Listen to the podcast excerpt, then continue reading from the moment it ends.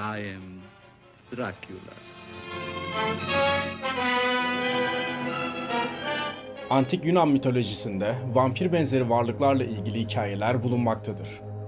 Lemya, çocukları kaçıran ve onları yiyen dişi bir canavar olarak tasvir edilmiştir.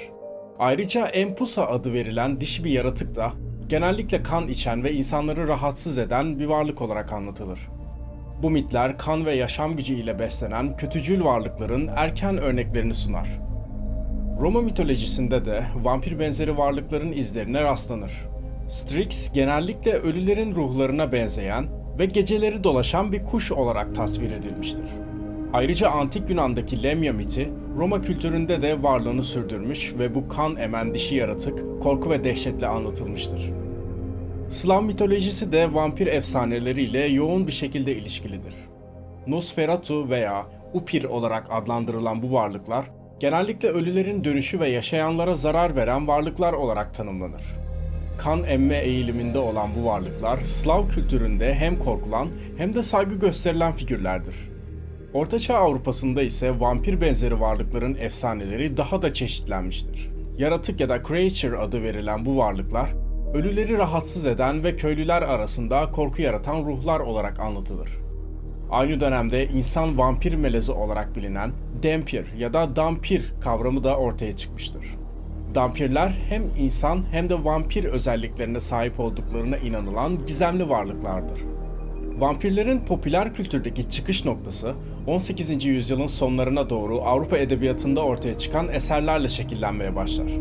Polonyalı yazar Jan Potocki'nin 1805'te yazdığı The Saragossa Manuscript adlı eseri ve İngiliz yazar John Polidori'nin 1819'da yazdığı The Vampire adlı hikayesi vampir figürünün edebiyatta ilk önemli temsilcileridir. Ancak vampir mitolojisinin gerçek anlamda popülerleşmesi Bram Stoker'ın 1897'de yayımlanan Dracula adlı romanıyla gerçekleşiyor. Bu romandan yüzeysel olarak bahsedeyim. 19. yüzyılın sonlarında Jonathan Harker adında bir avukat, gizemli ve tuhaf müşterisi Kont Dracula ile buluşmak için Transilvanya'ya gider. Kont biraz tuhaf olmasına rağmen nazik bir adama benziyordur.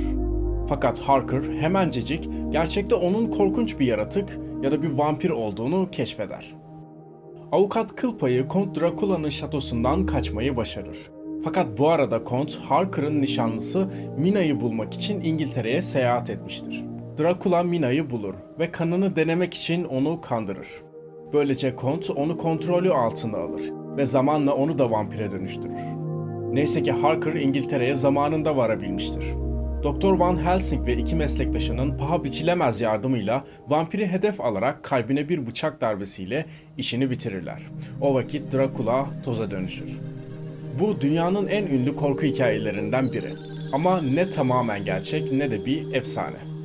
Gerçekte İrlandalı yazar Bram Stoker'ın Dracula adlı kitabında bir hikaye. Ama Stoker büyüleyici bir karakterin Vlad Dracula'nın hikayesiyle vampirler hakkındaki eski efsaneleri ve mitolojileri harmanlamıştır. 15. yüzyılda gerçek Vlad, yaşadığı yer olan Romanya'da bir kahraman ve büyük bir askeri lider olarak görülüyordu. Bununla birlikte karanlık bir tarafı da vardı. Vlad Dracula'nın lakabı Vlad Tepeş'ti ya da Vladimir Tepeş. Yani kazıklı voyvoda. Tepeş, düşmanlarını uzun kazıklara çivilemek gibi bir alışkanlığa sahipti. Gördüğünüz gibi Stoker'ın bahsettiğimiz romanında vampire benzemesi için Vlad Tepeş'i seçmesi, zalim bir tarihi karakter olmasından dolayı tamamen anlaşılır bir durum. Sonuç olarak bu kurgu karışımı ve gerçeklikle Dracula o kadar önemli bir hale geldi ki bu vampir bugün dünyanın en çok bilinen korku karakterlerinden biri oldu. Aslında mitolojiler ve edebi eserlerden anlayacağımız üzere vampir kan ile beslenen bir yaratık. Çoğu rivayete göre vampirler özellikle şiddetli bir kaza ya da bir hastalık sonucunda iyileşeceğinden umudun kesilip gömülen talihsiz insanlardı. Sonrasında bu gömülen insanlar mezarlarından canavara dönüşmüş halde kalktıklarında yaşanan korku da haliyle büyük oluyordu. Efsaneler ve romanların yarattığı popülarite sayesinde bugün onlarca vampir hikayesi var.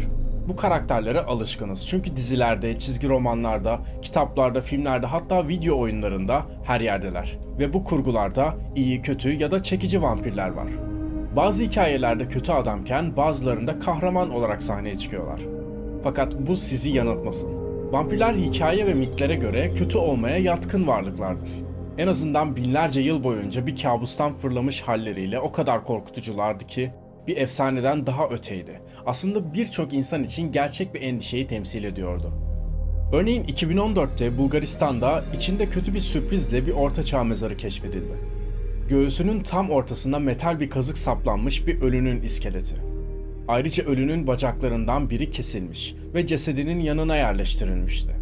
Aynı yıl bir grup arkeolog Polonya'da bir mezar kazısı yaparken benzer keşifler yaptılar. Çıkarılan iskeletlerin bazılarının boğazlarına ve göğüslerine yerleştirilmiş kocaman taşlar vardı. Diğerleri ise orakla ve diğer tarım aletleriyle toprağa çivilenmişlerdi. Köylüler ise harekete geçmiş vampirlerden korunmak için sarımsak kullanıyorlardı. Polonya'daki mezarlarla ilgili en rahatsız edici şey bunların antik bir zamana değil, 18. yüzyılda batıl inançların o dönemde hala devam ettiği Orta Çağ'a ait olmasıydı. Yani vampirler yüzyıllardan beri her yerde var olmuşlardı. Hatta vampir salgınları bile olmuştu.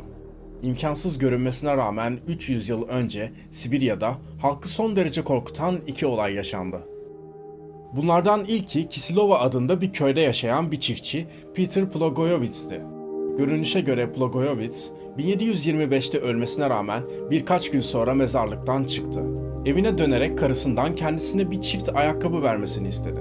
Bundan çok kısa bir süre sonra da bazı köylülerde korkunç yaralar belirdi. Neredeyse kan kaybından ölüyorlardı ve bunun sebebi Plogoyevits'in onlara saldırmasıydı.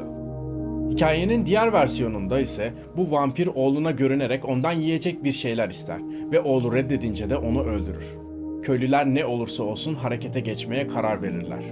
Resmi bir görevliyi ve köyün papazını Plogoyevits'in çıkarılan cesedine şahitlik etmeleri için davet ederler. Birkaç gün önce gömülmüş bir cesedi görmek hoş bir şey değildir. Ama mezarı açtıklarında çok kötü bir şey daha bulurlar. Saçları, tırnakları ve sakalları uzamış ve ağzının çevresinde kan vardır. Bu onun köylülere göre bir vampir olduğunu kanıtlıyordu. Köylüler ne yapmaları gerektiğini zaten çok iyi biliyorlardı. Kalbinin ortasına bir kazığı sapladılar. Frombalt adındaki resmi görevlinin raporuyla bu haber Avusturya medyasının gazetelerine kadar geldi. Birkaç sene sonra 1726'da benzer bir olay yaşandı. Arnold Paule adındaki bir asker anlatılanlara göre genç yaşta bir kaza sonucu ölen bir vampir tarafından saldırıya uğramıştı. Kısa bir süre sonra çoktan ölmüş ve gömülmüş olmasına rağmen Paule'nin bazı komşuları korkudan ödleri patlamış bir şekilde onun yürürken görüldüğünü söylemeye başladı. Ayrıca Paule'nin hayaletine eşlik eden bir dizi ölü daha vardı. Böylece mahalleli onu gömmeye ve vampirler için bilinen en iyi tedaviyi uygulamaya, kalbine bir kazık saplamaya karar verdiler. Fakat salgınlar bununla sona ermedi. 5 sene sonra yine aynı köyde benzer olaylar tekrar cereyan etti. 3 ay içinde 17 kişi öldü. Bölge yönetimi ölümlere gizemli bir hastalığın sebep olduğunu iddia ediyordu. Bu yüzden vakaları incelemek için iki doktor yolladı. Doktorlar bu insanların neden öldüğüne dair hiçbir şey bulamadılar. Bu olay köylülerin aklına hala yaşayan vampirlerin olabileceğini getirmişti. Mezarlığa giderek vampir olduklarından şüphelendikleri mezarları açtılar ve büyük bir sürprizle karşılaştılar. Birkaç ay geçmiş olmasına rağmen bazı cesetler pembe ve sağlıklı bir cilde sahipti ve hatta bazıları kilo bile almıştı. Bu olaylar o çağda tüm Doğu Avrupa'da o kadar olay yarattı ki insanlar gerçekten endişelenmeye başladı. Kaos ve histeri öyle bir seviyeye gelmişti ki Avusturya İmparatoriçesi halkın mezarları açmasını ve zavallı masum ölülerin çivilenmesini yasaklamak zorunda kalmıştı. Tabii ki vampirlerden bahsederken Twilight ya da Alacakaranlık serisine değinmemek olmaz. Ki filmin çıktığı zamanlarda türe alakası olmayan ben bile arkadaşlarımın etkisiyle seriyi okumuştum. Eski çağlarda bahsettiğim gibi karanlıkta, dişleriyle kan emen insanları korkutan yaratıklar bunlar.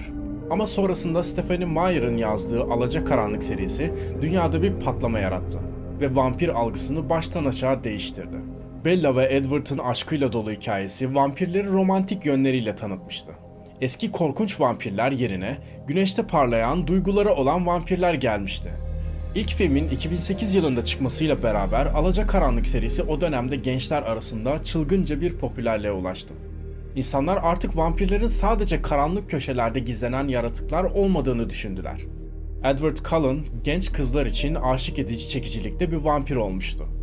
Kan emmek artık eski vampir filmlerindeki kadar korkutucu değildi. Hatta biraz daha romantik bir hal bile almıştı. Hatta Türkiye'de bile kan içen insan vakaları görülmüştü. Bir de güneşte parlamaları var. Tabii ki eskiden vampirler güneşte yanardı ve gündüzleri tabutlarından çıkmazlardı. Ama Twilight vampirleri güneşte parlıyordu. Bu da vampir algısını tamamen başka bir boyuta taşımıştı. Bella ve Edward'ın ilişkisi gençlerin hayallerini süsledi ve romantizmiyle ön plana çıktı. Ama tabii ki Twilight ya da Alacakaranlık sadece hayranlık toplamadığı eleştirilere de maruz kalmıştı ki Kristen Stewart'ın oyunculuğundan bahsetmiyorum bile. Bazı insanlar vampir mitolojisinin köklerinden uzaklaştığını ve korkutuculuğunu kaybettiğini düşünüyordu. Kimileri içinse vampirlerin olduğu evrene yenilikçi bir bakış açısıydı bu. Ve vampirlerin de duygusal yönleri olduğunu gösteriyordu. Sonuç olarak Alacakaranlık gelip vampirleri bambaşka bir hale getirdi. Klasik vampir korkusundan romantizme geçiş, gençler arasında büyük bir etki yarattı. İnsanlar artık güneşte parlayan, aşık olan vampirleri daha çok seviyor gibi görünüyor. Kimisi için eğlenceli bir değişiklik, kimisi içinse geleneklere ihanet. Herkesin düşüncesi farklı. Ama Twilight vampir algısını kesinlikle değiştirdi. Geleneksel vampir mitolojisi genellikle kan emen, ölülerin hayata geri dönüşü, güneş ışığına karşı hassasiyet ve korku unsurlarını içermiştir. Ancak Bram Stoker'ın Dracula romanı ile birlikte vampirler, romantik ve duygusal yönleriyle de tanımlanmış.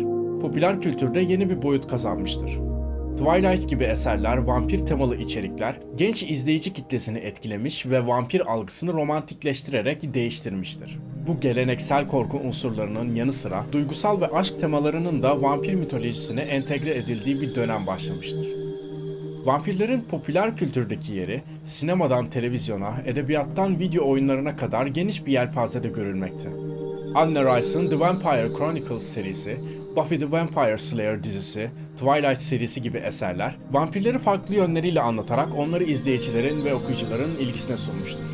Vampirlerle alakalı anlatacaklarım şu anlık bu kadar. Eğer videoyu beğendiysen bir like atabilirsin ya da kanaldaki içeriklerden hoşlandıysan abone olabilirsin.